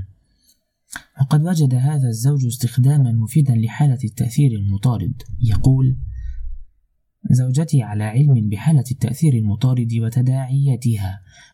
وبما أننا أقمنا علاقة عاطفية حميمية الليلة الماضية فقد قررت هذا الصباح أن تتبعني إلى الصالة متسللة على رؤوس أصابعها لترى ما الذي كنت أتصفحه على الإنترنت. وقد رأت بأم عينيها حالة التأثير المطارد فقد طاردتها إلى غرفة النوم حتى تعلم دون شك بأني لن أطارد غيرها. تأخرت في الخروج إلى العمل ولكن الأمر كان يستحق التضحية. الكوابيس واسترجاع الذكريات. يقول الكثيرون أنهم صاروا يتذكرون ما يرونه في منامهم من رؤى وأحلام بشكل أفضل بعد التعافي والتي قد تكون سعيدة ومفرحة وقد تكون غير ذلك. يقول الشاب الشيء الذي لاحظته منذ أن بدأت تجربة التعافي مع منتدى نوفاب هو أني بدأت أرى الأحلام في منامي وبصراحة لا أذكر أني رأيت مناما واحدا خلال السنوات العشر الماضية حين كنت أمارس الاستمناء بكثرة والآن رأيتها عدة مرات. الرؤى والأحلام الواقعية تبدو وكأنها جزء من عملية التنظيف الدماغي التي تحصل أثناء رحلة التخلص من الإدمان وآثاره. يرى بعض الأشخاص في منامهم أنهم يمرون بانتكاسة لأن الدماغ يحاول جاهدا أن ينشط الدوائر العصبية المألوفة لديه إلا أن هذه الأحلام لا تلبث أن تتلاشى. يقول هذا الشاب لقد بت أرى أحلاما مزعجة جدا أرى في منامي أشياء لا أشعر بالراحة في الحديث عنها لأي كائن. أعلم أن دماغي يمر بمرحلة النقاهة ويحاول أن يتغلب على أعراض الانسحاب. إلا أني آمل أن تنتهي هذه الأحلام بسرعة حتى أتمكن من النوم الهادئ مرة أخرى. ومن الشائع أيضا استرجاع وتذكر لقطات جنسية من الأفلام الإباحية التي شوهدت في الماضي وقد تسبب هذه الذكريات ضيقا شديدا جدا للشخص. يقول شاب آخر في كثير من الأحيان لا أستطيع أن أرى الشخص الواقف أمامي غريبا كان أم صديقا بصورته الحقيقية. كل ما أراه هو ومضاد تظهر الشخص عاريا سواء أكان رجلا أو امرأة. أتفهم تماما أن الناس الطبيعيين يمكن أن تكون لديهم خيالات كهذه ولكنها تتعلق فقط بالأشخاص الذين يحبونهم أو ينجذبون إليهم. ولهذا السبب لا تقلقني الخيالات بحد ذاتها وإنما الذي يقلقني هو أن هذه الخيالات تحدث بكثرة وأنها تحدث استجابة لأحداث ومحفزات عشوائية. وأحيانا محفزات غير مرغوبة وأنها تفاجئني في بعض المواقف حتى لو لم أرى الشخص جذابا بالضرورة أو أني لا أرغب بأن أراه كذلك كأن يكون شخصا طاعنا في السن أو طفلا صغيرا. أشعر وكأن ذهني قد أصيب بالعطب. كان يمكن أن أحتمل هذا الوضع لو حصل لي عندما أمر بالشخص في الطريق مرور الكرام. عندها سوف أتجاوزه سريعا وسيكون بإمكاني أن أتخلص من الخيالات وأمحوها من ذاكرتي. ولكن عندما تدهمني هذه الخيالات وأنا منهمك في الحديث مع الشخص أشعر بأني سوف أصاب بنوبة من الهلع وعندها أقوم بإنهاء المحادثة بسرعة ثم أهرع إلى مكان هادئ كأن أذهب إلى دورة المياه أو أخرج في نزهة مشيا على الأقدام حتى أهدأ من روعي. أشعر كما لو أن أحدا غيري يتحكم بأفكار هالاتي ولكن ليس لدي القدرة على الاعتراض. إنه دماغ الإباحية الجنسية القديم على ما أعتقد وهو الذي يستحضر في ذهني هذه الخيالات. كيف تتعامل مع استرجاع الذكريات؟ تعامل معها كما تتعامل مع الرؤى والأحلام. اعتبرها جزءا من عملية التنظيف الذهنية التي تمر بها أثناء التعافي ولا تعتبرها دليلا على الفشل في مسعاك للإقلاع عن مشاهدة المرئيات الجنسية. سلم بأن وجود هذه الخيالات هو أمر واقع ودعها تمر دون أن تعطيها أي معنى. ثم اضبط حواسك وراقبها عن كثب وركز انتباهك إلى ما يجري حولك واسترخي وخذ أنفاسا عميقة من حين لآخر. ملاحظة الأشخاص المعرضون للإصابة باضطراب الوسواس القهري قد يواجهون صعوبة في إهمال هذه الخيالات أو تركها تمر بسلام، وذلك لأنهم ينزعون إلى الاهتمام الشديد بأشياء هي في الحقيقة ليست ذات أهمية. دوامة العار معظم الذين يشاهدون المرئيات الجنسية على الإنترنت هذه الأيام نشأوا وترعرعوا في وجود الإغراء على الإنترنت، وهم على الأغلب لا يرون حرجا في مشاهدتها وقلما يشعرون بالخزي من فحش المادة المرئية أو من مجرد مشاهدتها في المقام الأول وإذا كان هناك شعور بالخزي والعار فهو منصب على فقدان السيطرة وخروج الأمر عن طوره ويتبخر كل شعور بالخزي والعار بمجرد أن يستعيد السيطرة على مقاليد الأمور أما إذا كانت مشاهدة المرئيات الجنسية مرتبطة في ذهنك بالفضيحة والخزي أو التهديد بالعقوبة من قبل والديك أو زوجتك أو ديانتك فقد تحتاج إلى المساعدة لتحسن نظرتك إلى ذاتك. لماذا الممنوع مرغوب؟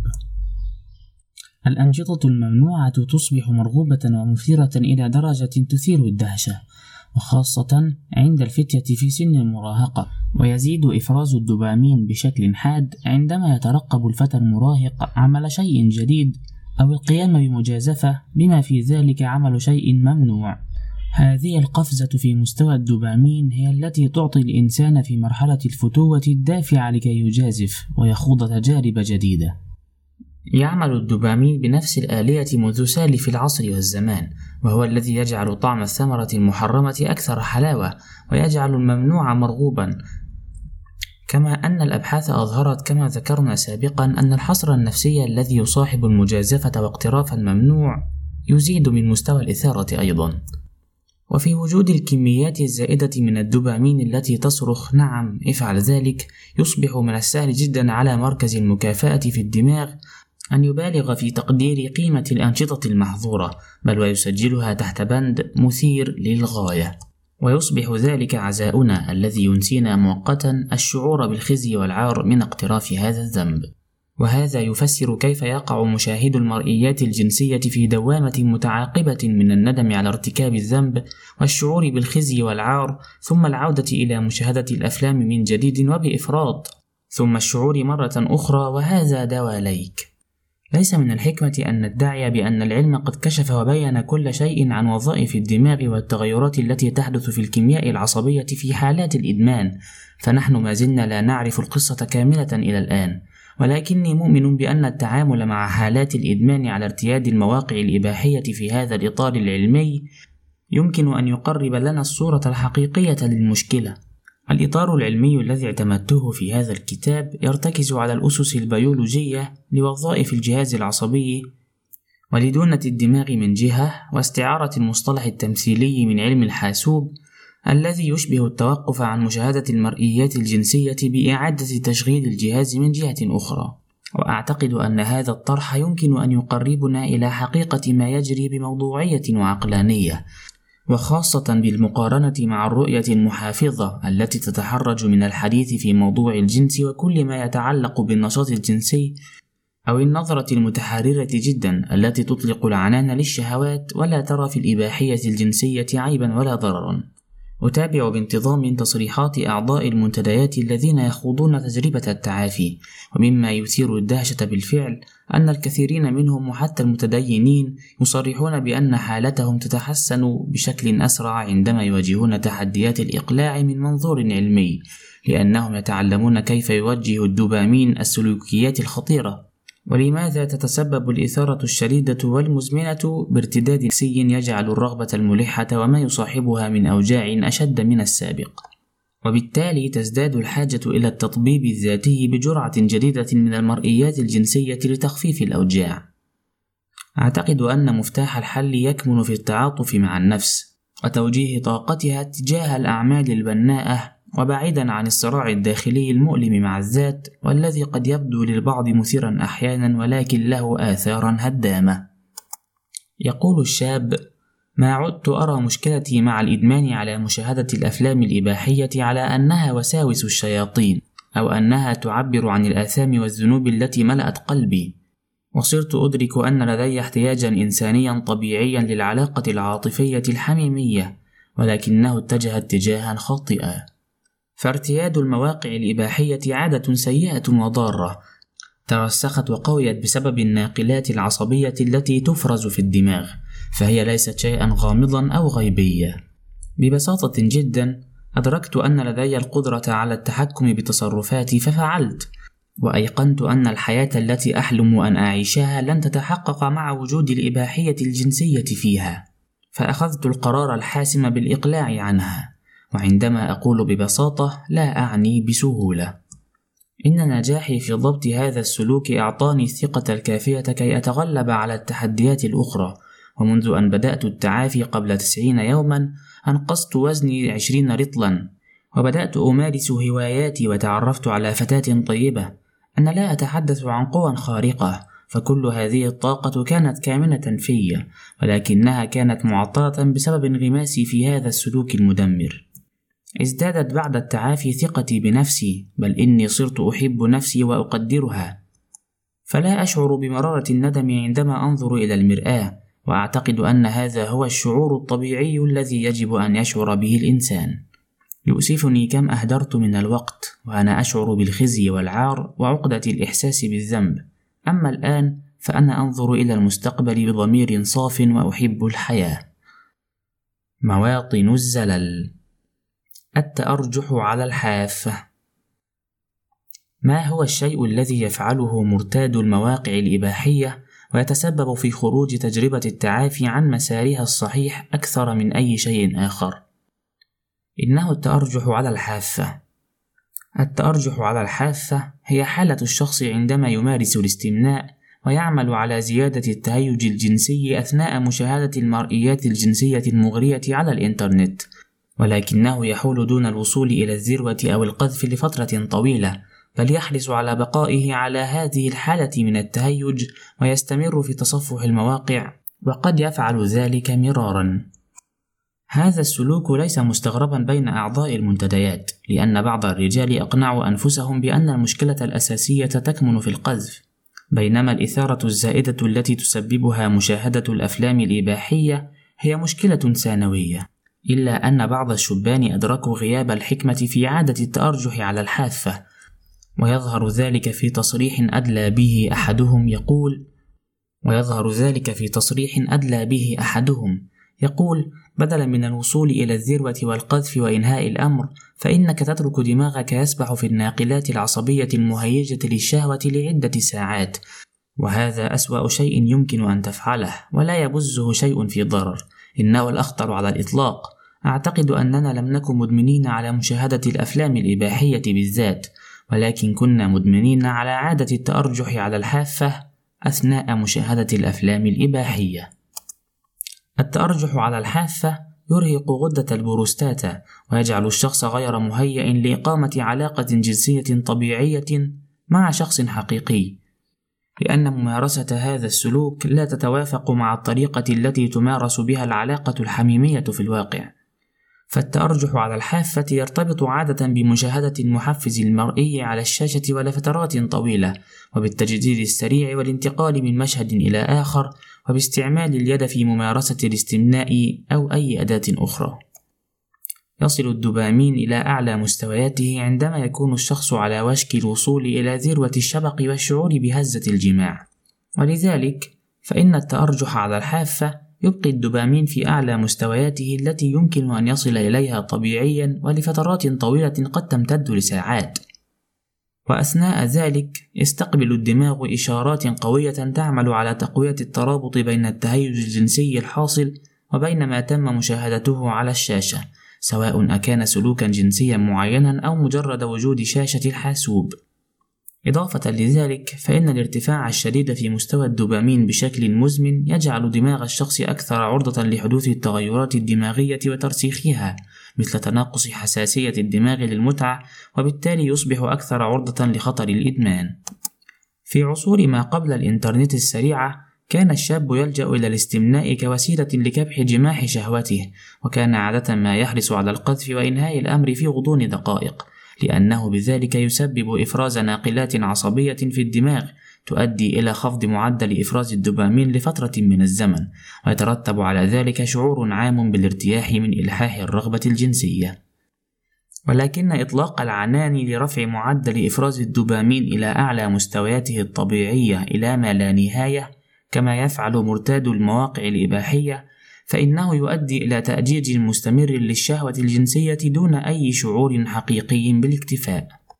يقول شاب: الذي سبب لي الانزلاق في الطريق القاتل للإدمان على مشاهدة الأفلام الجنسية هو في الحقيقة أني غيرت عادتي من مشاهدة الأفلام من أجل الاستمناء والقذف إلى مشاهدتها من أجل الاستمتاع بالأحاسيس التي تقود إليها.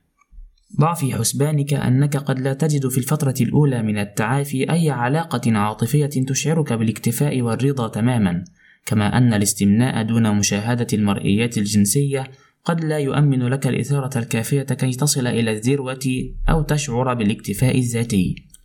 وسبب ذلك أن دماغك لم يسترجع بعد القدرة على الاستجابة التلقائية للممارسات الجنسية الطبيعية، ولكن بإمكانك أن تستغل هذا الأمر لصالحك، فتقلل من ممارسة الاستمناء بينما يعمل دماغك جاهدا كي يستعيد توازنه. صرح عدد من الأشخاص الذين خاضوا تجربة التعافي أن رغبتهم في ممارسة الاستمناء قلت إلى حد كبير بمجرد أن توقفوا عن مشاهدة المرئيات الجنسية، لأن الاستمناء دون مشاهدة الأفلام الإباحية ليس مثيرا أو ممتعا بما يكفي، فلا داعي لأن ترهق دماغك بالاستمناء في هذه الفترة، امتنع عنه وكن صبورا. الخيالات الأبحاث التي تدرس التصور الذهني أو العقلي تشير إلى أن تخيل تجربة ما أو تصور نشاط ما يمكن أن ينشط نفس الدوائر العصبية التي تنشط لدى أداء التجربة أو النشاط فعليًا. بمعنى آخر، فإن الخيالات الجنسية والتصورات التي تدور بذهنك عندما تتصفح تطبيقات المواعدة أو إعلانات الصداقة على الإنترنت تنشط وتقوي الروابط العصبية المرتبطة بالإدمان على مشاهدة المرئيات الجنسية والتي تبحث عما يثيرها من جديد. يصرح الكثيرون بأن اجتناب هذه الخيالات مبكرا في بداية التعافي مفيد جدا، بما في ذلك اجتنابها أثناء الجماع، وذلك لأن تجنب هذه الخيالات يقلل من تأجيج الرغبة الملحة التي تدفع الشخص إلى مشاهدة الأفلام الإباحية. الحقيقة المؤكدة هي أن الخيالات الجنسية هي أمر طبيعي عرفه الإنسان منذ سالف الزمان، ومربط الفرس هو أن تتجنب التخيلات التي تحوم حول مقاطع من الأفلام الإباحية المفضلة لديك، وبالذات تجنب إعطاء أشخاص حقيقيين دور البطولة في هذه المقاطع.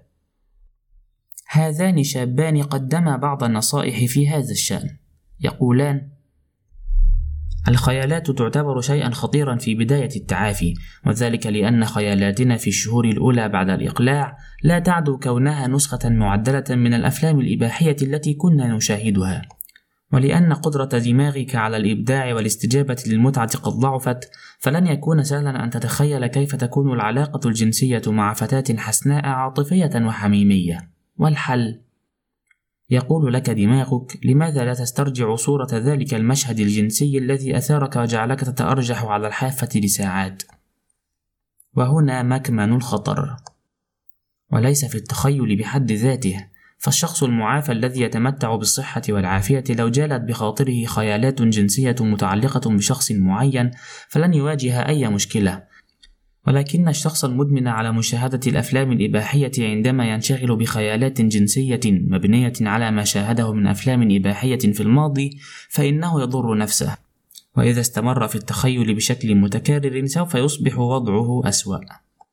برأيي أنك بمجرد أن تبدأ بالتعافي من الإدمان إذا صار ذهنك يتخيل خيالات جنسية دون أن يسترجع مقاطع من الأفلام الإباحية ودون أن يركز على خيالات منحرفة أو غير واقعية فعليك أن تدعه وشأنه ولا أعني أن عليك أن تقوي هذه الخيالات أو أن تدعمها. فقد دعها تمر مرور الكرام ولا تقف عندها كثيرا. إذا كانت الخيالات التي تجول بذهنك أثناء التعافي تشبه ما كانت تشاهده في الأفلام الإباحية ولو بدرجة قليلة فعليك أن تتخلص منها وذلك لسببين. أن الخيالات والتصورات التي تشبه محتوى الأفلام الإباحية قد تؤدي إلى الانتكاس كما قد يؤدي الاستمرار في هذه الخيالات إلى التنشيط المتكرر للروابط العصبية المستحدثة بفعل الإدمان فتقويها وتضاعف كل جهودك الساعية إلى التخلص منها.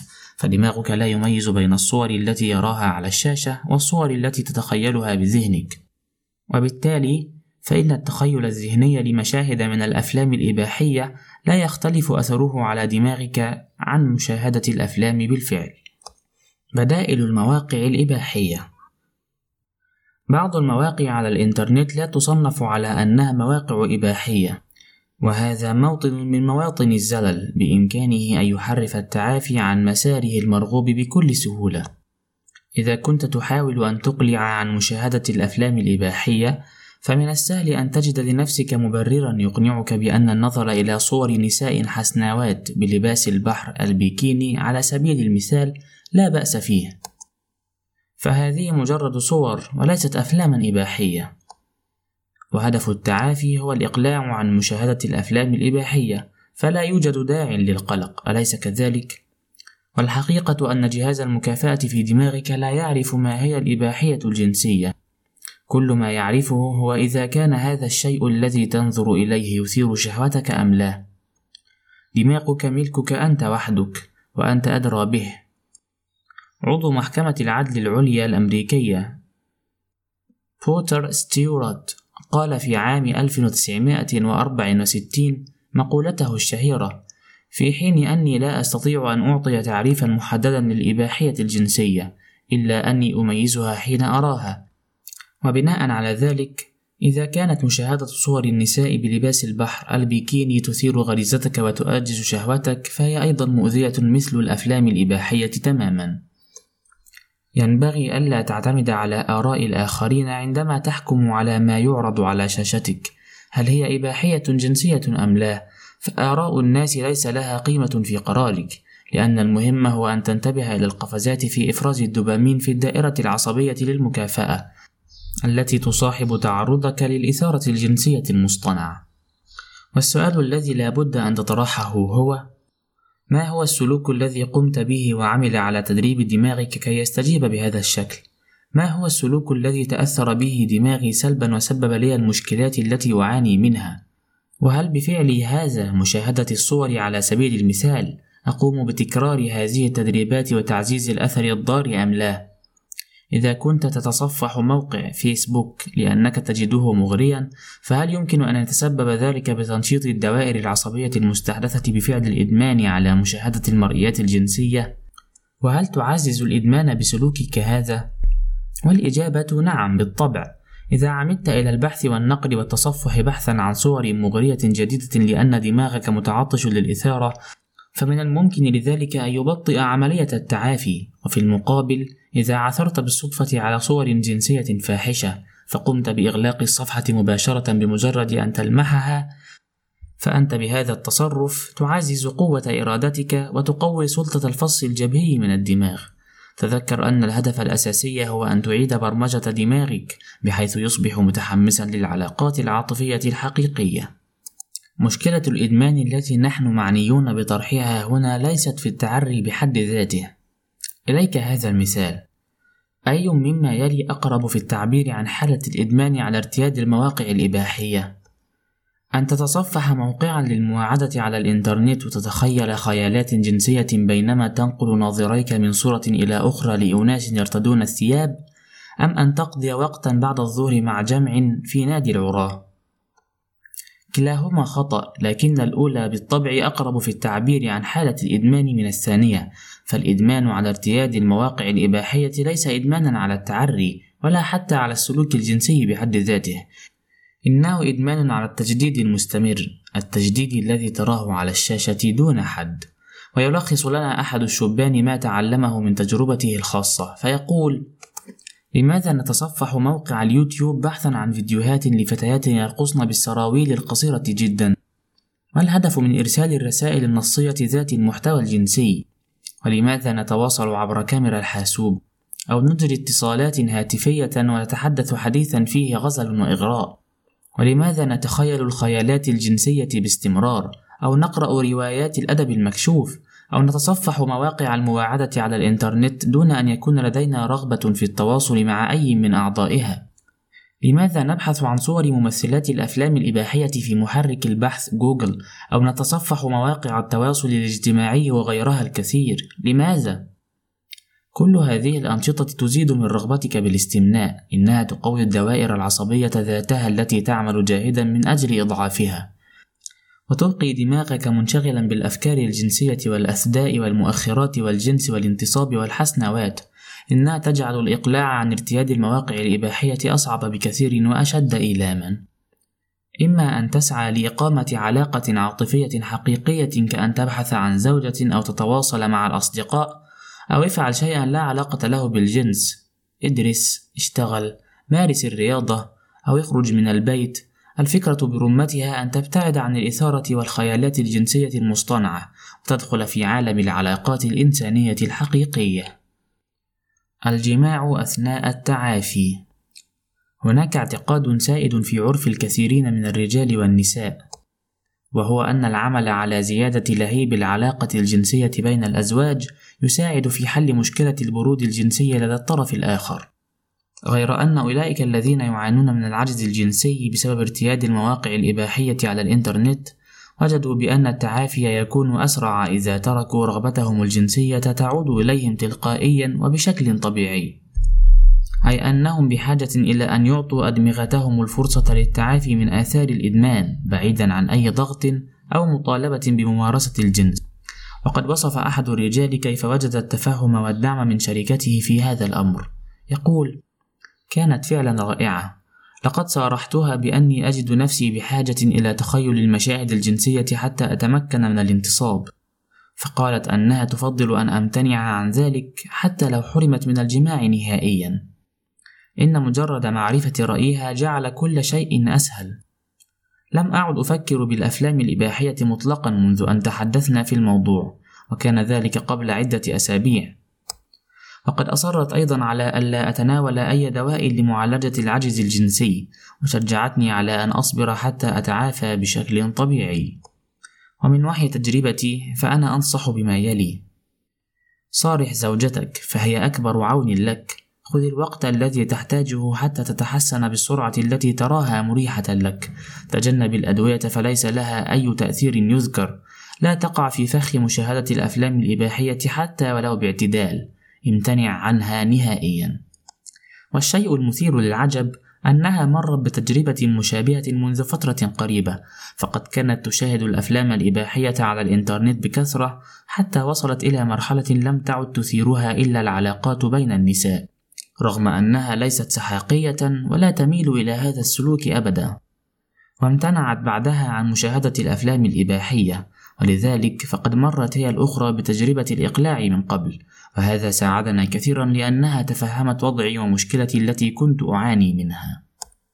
مرت بنا بالطبع أيام عصيبة تملكها أحيانا شعور بعدم الثقة بالنفس، وشعرت أنا بأني عاجز وعديم الفائدة، ولكن كنا نتحاور ونتناقش في الأمر، وفي النهاية خرجنا من التجربة أقوى.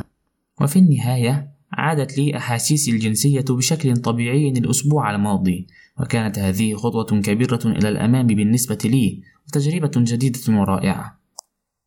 إذا كان الجماع يسبب لك موجات ارتدادية في الكيمياء العصبية كأن تعاني من حالة التأثير المطارد مثلا أو يفتح لك الباب لتدخل في انتكاسة يتبعها جولة من الارتياد المفرط للمواقع الإباحية. فالأفضل أن تمتنع عن الجماع في المستقبل. واقتصر في نشاطك الجنسي على المداعبات الرقيقة ابتعد عن كل الضغوطات النفسية حول هذا الموضوع حتى ترجع لك حساسيتك للمتعة ويتحسن أداؤك بشكل طبيعي. فمن الحكمة أن تمتنع وتصبر وكلك أمل وتطلع إلى المستقبل المشرق من أن تتعجل وتستنفذ طاقتك الجنسية تماما. في بعض الأحيان سيكون من الضروري أن تطلب من شريكتك ألا تتقمص دور بطلة الإباحية وألا تجتهد في محاولة إثارتك قبل أن تكون مستعدا لذلك. فبالرغم من أن جهودا كهذه يمكن أن تشعل الرغبة الجنسية آنية إلا أنها على المدى الطويل يمكن أن تعرقل التعافي وتطيل أمد التعافي وعندما تتعافى تماما سوف تعود إلى طبيعتك الرجولية الجذابة وعندها ستتمكن من تعويض كل ما فاتكما وستجد أن الانتظار كان مجديا. قبل أسابيع معدودة فقط كنت قد استسلمت لعجزي واقتنعت أني لن أتمكن من الاستمتاع بعلاقتي الزوجية أبدا. ولكني البارحة قضيت وقتا ممتعا مع شريكتي وقد بدا الأمر طبيعيا جدا. لقد رجعت لي الأحاسيس وعادت الرغبة الجنسية إلى سابق عهدها. وأشعر أن هناك المزيد من التحسن في المستقبل هل غيرت الأفلام الإباحية ذوقي إلى الأبد؟ إذا كنت تعتقد بأنك ليس لك خيار أو رأي في أنماط الممارسات الجنسية التي تجدها مغرية أو تفضلها على غيرها، وإذا كنت مؤمنا بأن ما تفضله من الأنماط والممارسات التي تعرضها الأفلام الإباحية يعبر فعليا عن حقيقة ميولك ورغباتك الجنسية، فمن الممكن أن تضع عقبة رئيسة في طريق نجاح التعافي، لأنك ستشعر عند التوقف عن مشاهدتها بأنك تتخلى عن المصدر الوحيد الذي يوفر لك الأمل بالإشباع الجنسي، والحقيقة بالطبع غير ذلك تماما، لأنك لن تتعرف على المحفزات والمثيرات التي تعبر بالفعل عن ميولك ورغباتك الجنسية الحقيقية إلا عندما تتخلى عن مشاهدة الأفلام الإباحية. فمن الجائز أن ما يجذبك اليوم على الشاشة هي مغريات سطحية انجذبت إليها فقط بحكم عرضها على المواقع الإباحية. المغريات التي تفقد أثرها في الشهور الأولى من التعافي هي بالطبع مغريات سطحية، وليست جزءا أصيلا من ميولك الجنسية، إلا أن الرغبة الملحة التي قد تشتد عليك في هذه الفترة قد تكون من مخلفات عادة ارتياد المواقع الإباحية وذكرياتها، ومن الممكن أن تخدعك. يقول أحد الشبان: في صيف عام 2011 للميلاد بدأت أنجذب إلى نوع جديد من الأفلام الإباحية لم أكن آبه به من قبل. يا إلهي كنت أشعر بزيادة الدوبامين في دماغي وكنت أشعر بالسعادة الجمة والحماسة عندما أشاهد هذا النوع من الأفلام. وكان جسمي يرتعش ومنذ ذلك الوقت صرت أقل سعادة مما مضى بكثير ولم أتمكن من العودة إلى طبيعتي. يصاب مرتاد المواقع الإباحية بالحيرة عندما يقارنون بين الإثارة التي شعروا بها عند مشاهدة فيلم إباحي أول مرة وبين ضعف أو حتى انعدام الاستجابة نهائيا وعدم الشعور بالإشباع الجنسي عند مشاهدة نفس الفيلم لاحقا. ويدفعهم حرصهم على الوصول إلى نفس المستوى من التهيج والإثارة إلى سلسلة من التصعيد نحو مشاهدة أنماط من الأفلام الإباحية التي تعرض ممارسات أكثر جرأة وفحشا.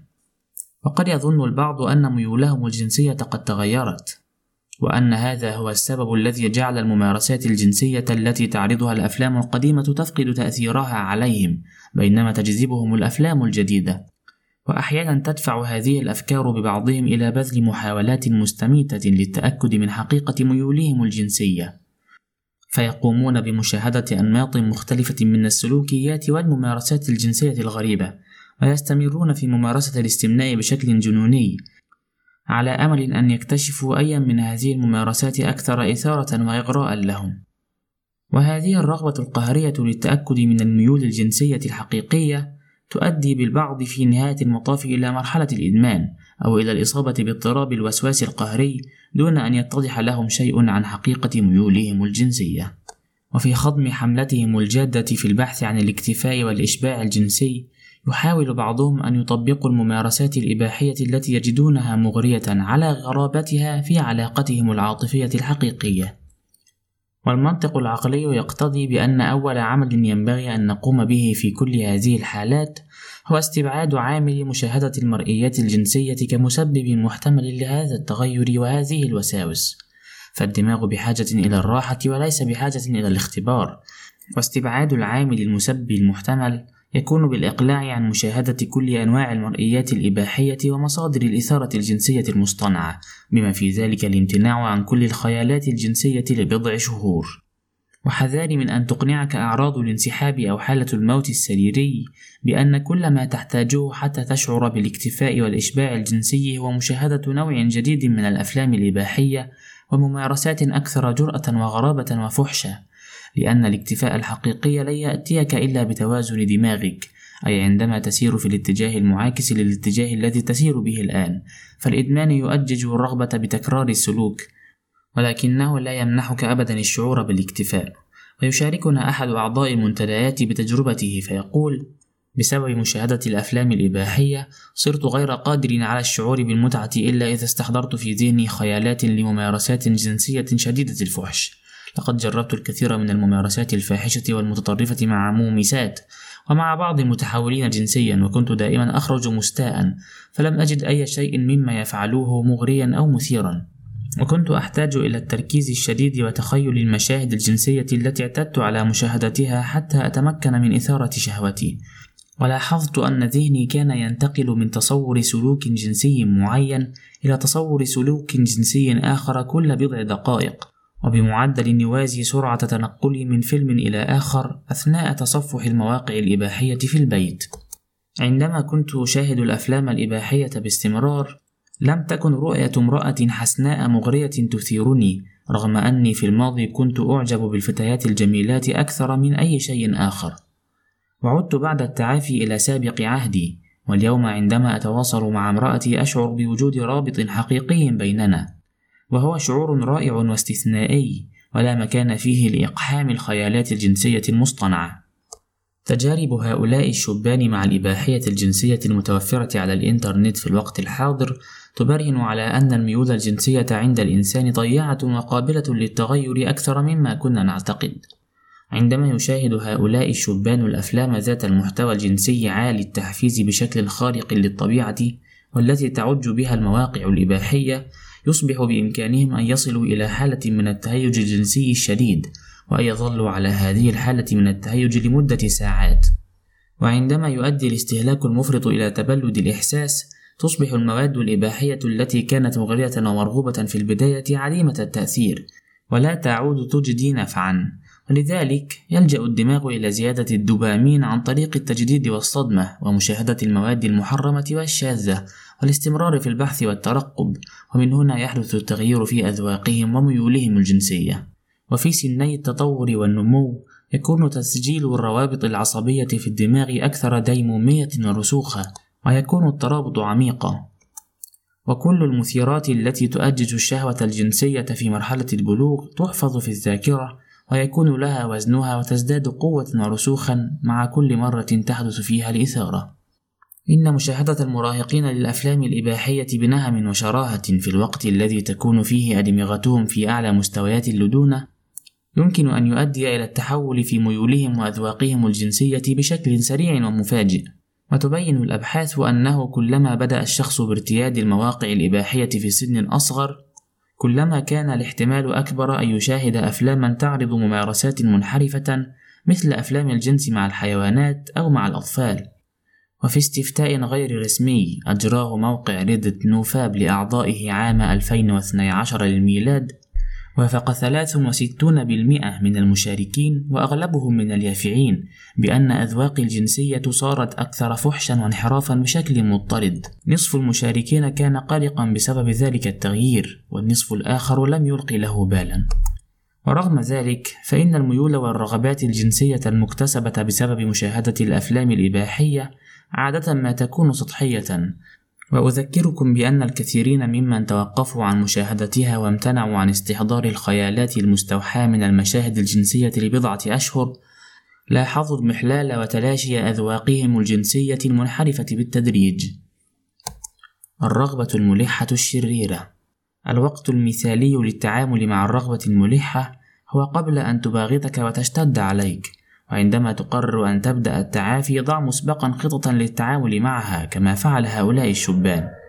يقول حاول أن تقضي في المنزل أقل وقت ممكن وإذا لم تتمكن من ملء وقتك بأنشطة مفيدة في الأيام الأولى اذهب إلى المكتبة العامة أو حانوت بيع الكتب أو حتى إلى المنتزه واقرأ كتابا. إن مجرد خروجك من البيت أو المكان الذي اعتدت على ممارسة الاستمناء فيه سيكون أكبر عون لك في تخطي الأيام الصعبة الأولى من التعافي وما يصاحبها من نوبات أعراض الانسحاب. ابدأ بوضع قائمة بكل الأسباب التي دفعتك للإقلاع عن مشاهدة المرئيات الجنسية، وارجع إلى هذه القائمة كلما داهمتك الرغبة الملحة. وقد يفيدك أكثر أن تكتب لنفسك رسالة تصف فيها كيف سيكون حالك إذا ضعفت واستسلمت للرغبة الملحة. وقرأ الرسالة كلما دعت الحاجة، وهذا بالضبط ما فعله هذا الشاب. يقول سوف تبدأ بمشاهدة الأفلام الإباحية والتأرجح على الحافة. وعندها لن يكون بإمكانك العودة للوراء. ستشاهد أكثر ثم أكثر قليلا وهكذا إلى أن ينتهي الأمر. في الغالب لن تكون الإثارة شديدة جدا ولكنك ستشعر بالارتياح أكثر من أي شيء آخر. وستقول لنفسك بإمكاني الآن أن أعود إلى عملي لم يكن ذلك سيئا جدا. لا أشعر بالخزي أو العار. وليس هناك معنى لأن أحرم نفسي كل هذا الحرمان. وعندما تجلس لتتم أعمالك سيبدو الوضع طبيعيا وكأن شيئا لم يحدث. وفي غضون ساعة سوف تشعر بهبوط مفاجئ في مستوى الطاقة وبضبابية في تفكيرك ثم يتطور الحال إلى زيادة الحصر النفسي. والحصر النفسي ليس نتيجة للاستمناء ولكنه استجابة طبيعية لانخفاض مستوى الطاقة. لم يحدث لك أي شيء سيء ولم يؤنبك أو يوبخك أحد ولم تراودك الأفكار السيئة. وكل شيء كان على ما يرام قبل ساعة واحدة فقط. والآن بدأت تشعر بأنك متوعك قليلا. وليس بإمكانك أن تركز في عملك. وتتمنى لو لم تكن مضطرا لإتمام أي عمل. فكل ما تود أن تفعله هو أن تجلس وتشاهد برامج التلفاز فقط. لن تتمكن من إنجاز أعمالك ذلك اليوم. وسوف تستخدم كل عذر متاح لتدافع عن نفسك وتبرر هذا التسويف.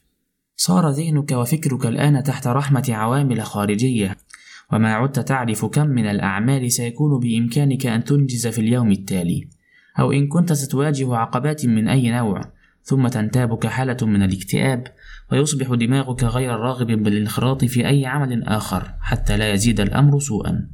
ولا ترغب بلقاء أي إنسان فدماغك صار منغلقا على نفسه وتقسم حينها أنك لن تستسلم لشهوتك مرة أخرى وبعد أن تحدد الأسباب التي دفعتك للإقلاع ضع قائمة بالأنشطة التي يمكن أن تقوم بها كبديل لمشاهدة المرئيات الجنسية حين تداهمك الرغبة الملحة. بعض الناس يستعدون بتعلم طريقة العلامة الحمراء X. يقول أحدهم: توقفت عن تخيل المشاهد الجنسية نهائيا منذ أربعة أسابيع، وعندما تداهمني الخيالات رغما عني أتصور علامة X حمراء كبيرة فوقها، وأتخيل سماع صوت سيارة الإسعاف. وإذا استمرت الخيالات بمضايقتي أتصور في ذهني أني أقوم بتفجيرها والمهم أن تفعل ذلك فور بدء الخيالات مباشرة وسوف تصبح هذه الطريقة أكثر تلقائية بتكرارها مع الوقت وإذا لم تجد شيئا مفيدا تفعله لسبب أو لآخر بإمكانك أن تنتظر دون أن تفعل شيئا. قل لنفسك هذه الرغبة الملحة قد داهمتني من حيث لا أحتسب ولكن ليس لها سلطان علي. أنا لست ملكا لهذه الهواجس. لم أستدعيها ولا أريدها ولست مضطرا أن أستجيب لها. وعادة ما تتلاشى الأفكار دون أن تترك أثرا. وتغيب عنك لمدة من الزمن. والحقيقة أن كل الرغبات الملحة تتلاشى في النهاية عادة بعد ربع ساعة. فإذا تمكنت من مقاومة الرغبة الملحة الشريرة لمدة ربع ساعة فقط فسيكون بإمكانك أن تتجاوز كل محنة. وقد عبر عن ذلك هذا الرجل بقوله عندما تدرك بأنك أكبر من رغبتك الملحة وأنها دائما تتلاشى بعد فترة قصيرة ستكون في الطريق الفعلي لتخليص نفسك من براثن الإباحية الجنسية. في محاولاتي السابقة للإقلاع كنت دائما أستسلم للرغبة الملحة الشريرة ولكن عندما تغلبت عليها في النهاية أدركت أني قادر على التغلب على أي رغبة ملحة أخرى. في تلك اللحظة التي تشعر فيها أنك في أضعف حالاتك وأن الرغبة الملحة الشريرة ستتغلب عليك هذه هي اللحظة التي تحتاج أن تصمد فيها وتظل قويا. فإن الوجه الآخر لهذه المعاناة هو نجاحك وتألقك عندما تتغلب عليها. ستدرك عندها أن بإمكانك أن تتغلب على كل شهواتك. وسر النجاح في هذه المهمة هو أن تعيش حياتك يوما بيوم وتظل مثابرا. وهناك أيضا إرشادات وطرق بسيطة كانت عونا للبعض.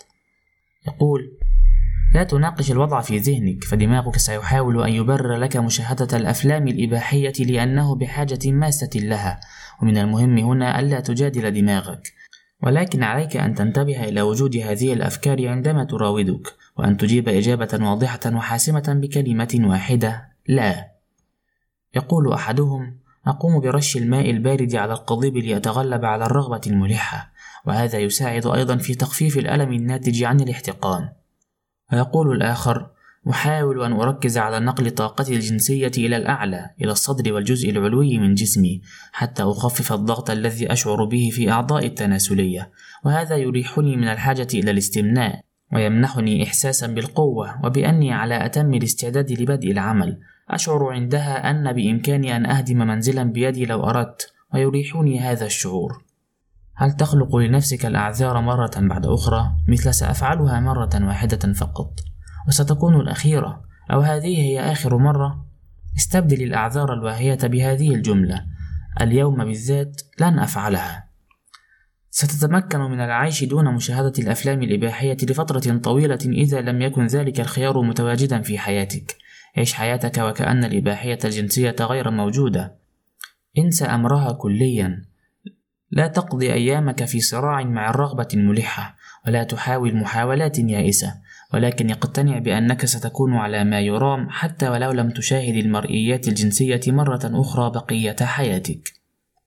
عندما تشتد عليك الرغبة الملحة وتشعر أنك على وشك أن تفقد السيطرة، اقفل جهازك وفكر قبل أن تفعل أي شيء. وحتى لو قررت بعدها أن تستجيب لضغط الرغبة الملحة، سوف تفعل ذلك بوعي وعلم تامين لنتائج قرارك، وهذه هي الخطوة الأولى باتجاه تغيير السلوك.